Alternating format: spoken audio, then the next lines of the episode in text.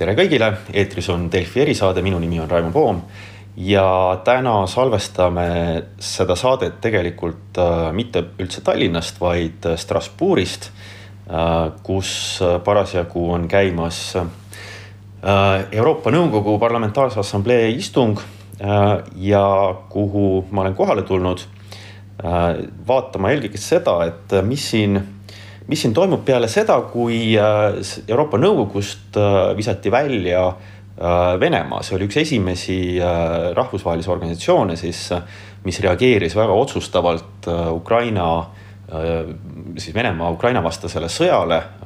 siin üksmeelselt otsustati Venemaa lahkuma sundida ja, ja noh, seda juht, Venemaa siis liikmesus oli ka peatatud peale juba seda kahe tuhande neljateistkümnendat aastat, vahepeal said nad äh, peaaegu nagu tagasi siia. kuid äh, küsimus on see, et, äh, et mis siis, mis siis see käik ähm, ähm, andis ja mis nüüd edasi selle organisatsiooni jaoks mul on väga hea meel rääkida täna sellest Eesti suursaadikuga Euroopa Nõukogu juures, Rasmus Lumiga, tervist. tere. Ähm, küsimus ongi lihtne Venemaa visati välja, see oli väga oluline märk. Äh, aga äh, mis nüüd edasi, sest et Euroopa Nõukogu tegeleb ikkagi noh, oluliste küsimustega nagu inimõigused, demokraatia, meediavabadus, kõik need olid küsimused näiteks, mis olid Venemaa puhul selgelt üleval, millega ka tegeleti ja nüüd on vaikus selles otsas. noh vaikus kindlasti äh, ei ole, et, et hetkel võib-olla on lihtsalt see, et me tegeleme veel äh, mõnda aega selle Venemaa lahkumise või siis väljaviskamise tagajärgedega. Äh, aga lihtsalt minnes nii-öelda alguse korraks tagasi, siis kõigepealt ma lihtsalt ütleksin, et, et Venemaa osalemisõigused Euroopa Nõukogus peatati juba kaks päeva peale sõja algust ja, ja seejärel oligi protsess, protsess äh, selles osas, et kuidas, kuidas üldse nagu sellega edasi minna ja kas, kas Venemaa äh, liikmelisus peaks, peaks lõpetatama. ja kuusteist märts äh, siis tõepoolest selle otsuseni ka jõuti, see oli väga selgelt ühine, ühine, ühine kaalutlus ja ühine seisukoht nii parlamentaarsel assambleel kui ka ministrite, ministrite komiteel ja nüüd, äh, kui vastata küsimusele, et mis, mis edasi saab, siis, äh, siis tõepoolest äh, väga paljud,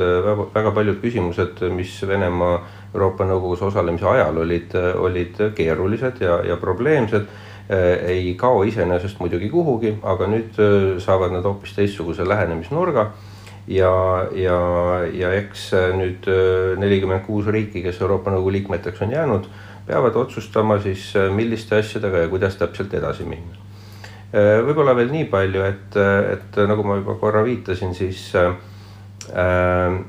tükk aega tuleb veel tegeleda nende nüansside ja detailidega, mis jääb järgi Venemaa, Venemaa lahkumisest Euroopa Nõukogust, sest on väga palju erinevaid õigusinstrumente, kus nad osalevad ja väga palju muid Euroopa Nõukogu struktuure mille puhul veel tuleb teha eraldi otsuseid, et, et milliseks nende osalus jääb. ja, ja üks võib-olla kõige suuremaid ja olulisemaid äh, selliseid detaile puudutab Euroopa Inimõiguste Kohut, äh, kus siis Venemaa jääb, jääb osalema veel kuni kuueteistkümnenda septembrini käesoleval aastal ja, ja kõik need kaasused, mis, mis selle aja jooksul kohtusse esitatakse, peaksid saama ka kohtu poolt menetletud nii et need on, need on võib-olla kõige olulisemad asjad hetkel. see tegelikult ma seda tahtsin küsida, et noh, üks asi on see, et, et Venemaa osaleb nii-öelda poliitiliselt või osales, eks ju, selles äh, Euroopa Nõukogus. aga olgem ausad, äh, Euroopa Inimõiguste Kohus oli küll, äh, ütleme, viimased ajad ikkagi peaaegu ainukene koht, kus Venemaa kodanikud said oma noh, täiesti äh, ütleme siiski äh,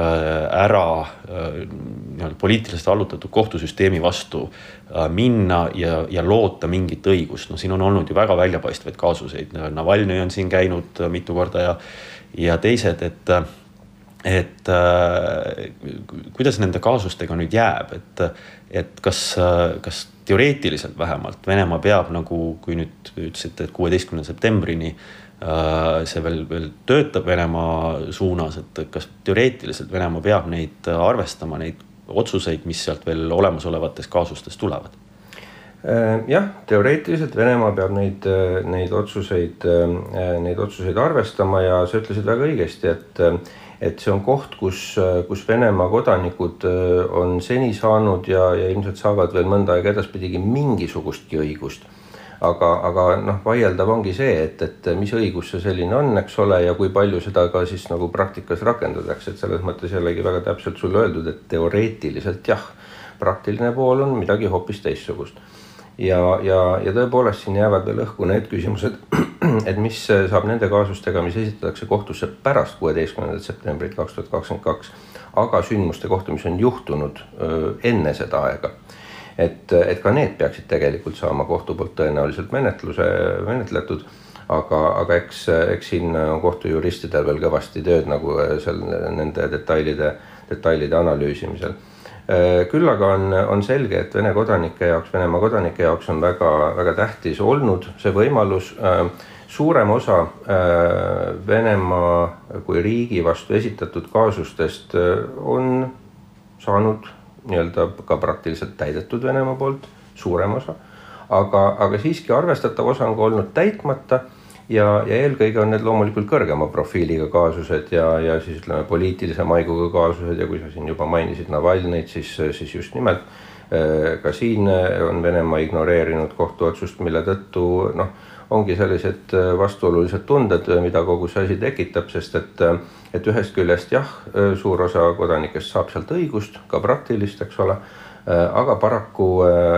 inimõiguste ja siis ütleme siis õigusriigi seisukohast äh, Äh, terviklikuks ikkagi seda täitmist Venemaa poolt pidada ei saa ja, ja kahtlemata tekitab see eraldi küsimuse sellest, et,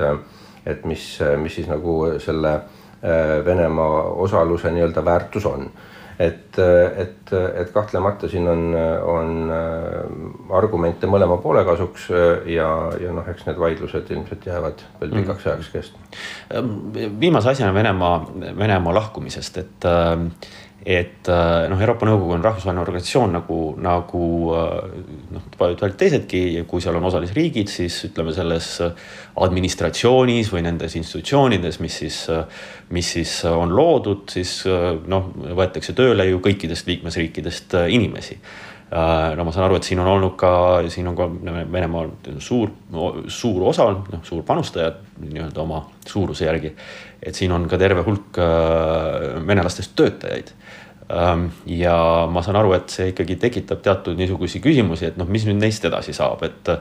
et siin nii mõnedki on mulle siin öelnud, et noh, me ju kõik teame, et nad on KGB-tnikud ja, ja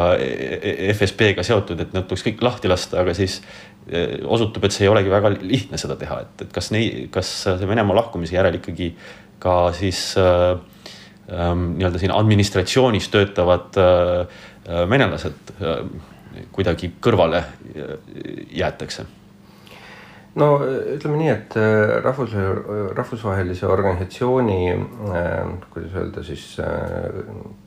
sellises administratiivses õigusruumis tõepoolest ei ole see küsimus väga lihtne. sekretäriaat on sellegipoolest teinud juba väga kiireid ja õigeid otsuseid, mis puudutab ajutisi töötajaid on, on kokku lepitud juba erinevaid mehhanisme, mis käib, mis käivadki selliste Äh, ajutiste töötajate kohta ja, ja tegelikult ka, ka, ka alaliste töötajate kohta, aga paraku vastavalt Euroopa Nõukogu personaliregulatsioonidele äh, on, äh, on siis ütleme nii, et see on peasekretäri, peasekretäri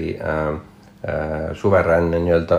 õigus otsustada selle üle, et, et kuidas ta mõndadele,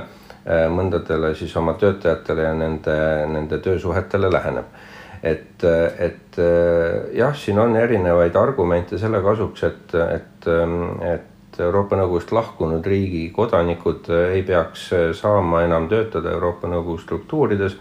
Aga siin on väga palju selliseid nüansse, mis, mis ütleme siis nii, et, et takistavad sellist ühest lähenemist võtmast, nagu näiteks see, et, et väga paljudel töötajatel on mitmed kodakondsused mille tõttu on vägagi küsitav ja, ja noh, ütleme nii, et, et see tuleb enne juriidiliselt läbi arutada, et, et millise millise töötajana või millise kodakondsusega töötajana nad üldse siin Euroopa Nõukogus tegutsevad. et kuigi see võib pealtnäha olla väga lihtne, lihtne ja selge, siis, siis noh, paraku tuleb alati paberitesse sisse vaadata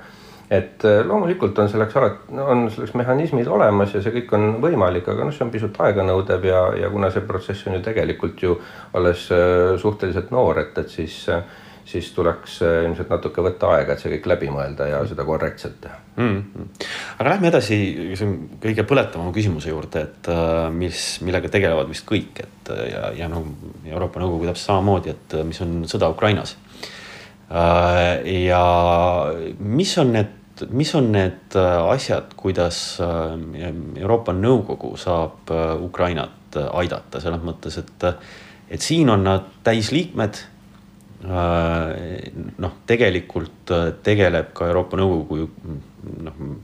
puutuvalt küsimustega, noh, mis on, mis ikkagi noh, inimõigused, nende tagamine. noh, sõjas on muidugi olukord teine, aga siiski äh, mingitest asjadest tuleb kinni pidada. et kas siin on midagi, mida Euroopa Nõukogu saab teha ka Ukraina heaks? No Euroopa Nõukogu saab Ukraina jaoks tegelikult äh, päris palju teha, lihtsalt äh, praegu võib-olla mõned tegevused on noh, ütleme siis niimoodi, et territoriaalselt piiratud pisut äh, hetkel. et, et igale poole pole ligipääsu,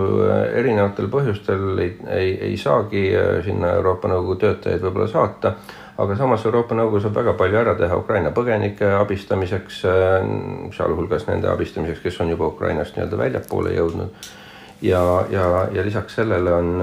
on, on Ukraina äh, tegevuskava Euroopa Nõukogul, mida uuendatakse ja, ja kus just üritatakse ette näha seda, et, et milliseid, milliseid uusi tegevusi selles praeguses reaalsuses Euroopa Nõukogu teha saaks. Äh, Euroopa Nõukogul, ma arvan, on ka finantsilisi võimalusi Ukrainat, Ukrainat abistada ja, ja kindlasti ka, ka, ka Euroopa Nõukogu äh, arengupank saab siin, saab siin võib-olla Ukrainale pisut toeks olla. et selles mõttes äh, tegevusvõimalusi on, aga lihtsalt siin tuleb ära oodata see, kuniks äh, noh, olukord muutub selliseks, kus nagu on võimalik rohkem minna nii-öelda põllule asju tegema. Mm.. kui te ähm, mainisite seda Euroopa Nõukogu Arengupanka, see, see oli üks asi, millest ma tunnistan ausalt äh, polnud kuulnudki. Äh, aga nüüd ma just äsja lugesin siin, äh, siin neid äh, erinevaid materjale ja ma saan aru, et nad on sealt leidnud ligi miljard eurot toetust, noh siis äh, Ukraina lähedastele riikidele, Moldova äh,, Poola, isegi Ungari äh,, noh, kes on põgenike kõige suurema surve all, et et kas Eesti on ka sellest, selles osa selles äh, pangas? ja Eesti on ka selle panga liige jah, et, et äh, kui ma nüüd õigesti mäletan, siis nelikümmend kaks äh, Euroopa Nõukogu liikmesriiki neljakümne kuuest on panga, on panga liikmed mm. -hmm et äh, varsti ei jõua enam kokku lugeda, kes on, kust, kust see abi kõik tuleb, aga noh, ma kujutan ette, et just nendel riikidel, kes ei ole Euroopa Liidus nagu Moldova äh,, on sellest palju äh,, palju abi. Äh, kahtlemata, aga ega see ei olegi ainult, ainult Euroopa Liiduga seotud, et, et selles mõttes see Euroopa Nõukogu Arengupank on, on väga-väga kasulik meede eelkõige või noh, kõigile Euroopa Nõukogu liikmesriikidele, nii Euroopa Liidust, Euroopa Liidu omadele kui, kui väljaspool Euroopa Liitu olevatele Euroopa Nõukogu liikmesriikidele. Ja eelkõige just kohalikul tasandil on neist väga palju abi. Mm.. Ukrainast veel, et äh, väga palju on juttu seoses sõjaga, noh, ütlesid ka, et, et noh, territoriaalselt piiratud, aga nii edasi. On väga palju juttu sellest, et, et tuleb tegeleda rahvusvaheliselt väga jõuliselt nende sõjakuritegude talletamisega, nende fikseerimisega. ja pärast seda äh, siis noh, nii-öelda rahvusvahelise õiguse järgi kõikide nende sooritajate vastutusele võtmisele. noh, siin on noh, muidugi teisi rahvusvaheline kriminaalkohus, rahvusvaheline kohus, mis on Haagis aga kas Euroopa Nõukogul ka võib olla selles mõttes nagu mingit äh, mingit puutumust, äh, noh, ma ei tea, kasvõi enam selle inimõiguste kohtu läbi, et, et ka osaleda selles, äh, selles protsessis ja, ja seda jälgida, äh, neid just nimelt neid sõjakuritegusid, seda, mida seal inimeste vastu toime pannakse, mis on, mis on väga õudne. Euroopa Nõukogus on sellest äh, üksjagu räägitud, arutatud seda, et, et kas ja mida Euroopa Nõukogu selles kontekstis teha saaks üks argument on see, et, et ähm, või üks kaalutlus, mida, mida on arutatud, on see, et me tegelikult ei tohiks liiga palju dubleerida neid tegevusi, mida teevad äh, noh, ütleme siis otse Euroopa Nõukogust selles küsimuses pädevamad organisatsioonid. ja, ja kui panna siia juurde just see, et, et Euroopa Nõukogul siiski teatud võimekused puuduvad, äh, siis äh, siis äh, ongi mõeldud, et, äh, et keskenduda sellele, kuidas Euroopa Nõukogu saaks võib-olla pakkuda tuge äh, nendele, nendele organisatsioonidele, kes, kes nagu saavad ja oskavad seda kõike paremini teha ja Euroopa Nõukogu äkki saab võib-olla aidata mingisuguste andmete kogumise ja, ja, ja selliste asjadega, mis, mis on Euroopa Nõukogu siis ütleme nii-öelda võimuses aga, aga nüüd konkreetselt mingisuguseid uurimistoiminguid teha ja selliseid asju, siis noh, vähemalt minu arusaamise järgi äh, Euroopa Nõukogul selleks äh, konkreetselt nagu pädevust ei ole mm aga tuleks selle juurde, et noh, Eestis on muidugi hästi palju pildis, äh, mis tehakse Euroopa Liidus, mis tehakse NATO-s äh,. Siin viimasel ajal isegi ÜRO olnud, olnud kõvasti pildis, et, et noh ma, see, see on paraku nii, et kui öeldakse, et Euroopa Nõukogu midagi teeb, siis, siis inimesed äh, võtab natukene aega, et, et komputeerida, et, et mis asi see on ja, ja, ja kus ta, kus ta on ja nii edasi, et. et millega siin, mis, mis need üldse Eesti asjad siin, siin Euroopa Nõukogus on, mida te ajate siin igapäevaselt, et, et mida me siin teeme? Nojah, et äh, ma olen nõus sellega, et äh, tõepoolest Euroopa Nõukogu esimesena keelele ei tule, kui räägitakse rahvusvahelistest organisatsioonidest ja sellest, mis üldse maailmas toimub, aga selle põhjuseks on paljuski ju see, et äh, et inimõigusi noh, näiteks Eestis me võtame lihtsalt väga ise, iseenesestmõistetavalt ja, ja me ei mõtlegi sellele, eks ole, et, et, et väga paljud äh, Eesti õigusaktid või väga paljud nagu ütleme siis nii, et, et äh, tõekspidamised ja arusaamad tegelikult tulenevad juba ammu-ammu ilma vastu võetud Euroopa Nõukogu instrumentidest, eks ole. ja, ja me lihtsalt ei suuda neid isegi kokku, kokku viia, sest meie jaoks on see muutunud lihtsalt normaalse elu osaks seetõttu äh, noh, ütleme nii, et ega nende vanade asjadega peale, peale nende võib-olla siis meeldetuletamise tugevdamise polegi eraldi vaja äh, otseselt tegeleda, et, et nüüd tuleb lihtsalt vaadata, millised uued asjad meile peale tulevad. ja, ja mis on tänapäeval nagu siis kõige nagu põletavamad probleemid, kui nüüd jätta välja ja jätta kõrvale poliitilised küsimused et noh, meediavabadus näiteks on, on üks asi, mis, eks ole, siiski tuleb, tuleb pinnale pidevalt ja mis on üks meie prioriteete siin. Ja, ja siis teine asi, mis noh, kus ikka Eestile otsa vaadatakse ja mida, mis, mis meie jaoks äh, ka oluline on, on uute tehnoloogiate, uute tehnoloogiate ja inimõiguste siis noh, nii-öelda ühendamine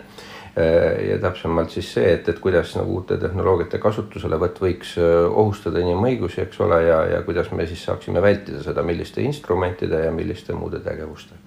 mm.. on seal mingisuguseid äh, näiteid, mis, äh, mis äh, just see uute tehnoloogiate poole pealt siin nagu tegevuses on? Noh, kõige, kõige olulisem asi, mis, mis praegu tegevuses on, ongi siis õigusinstrumendi,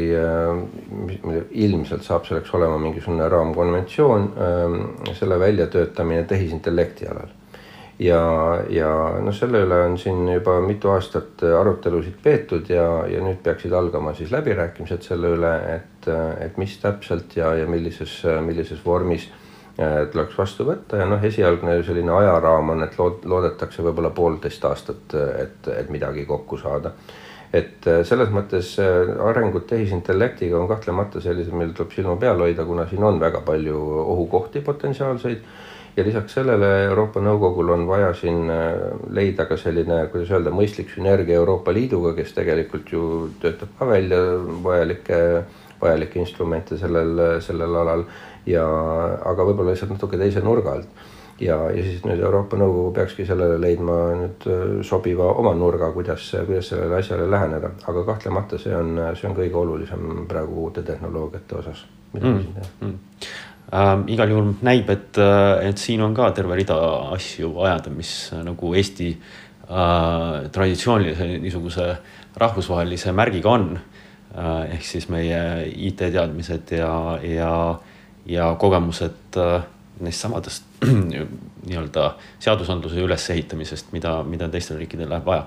aga igal juhul suur tänu Delfi erisaatesse tulemast, Rasmus Lumi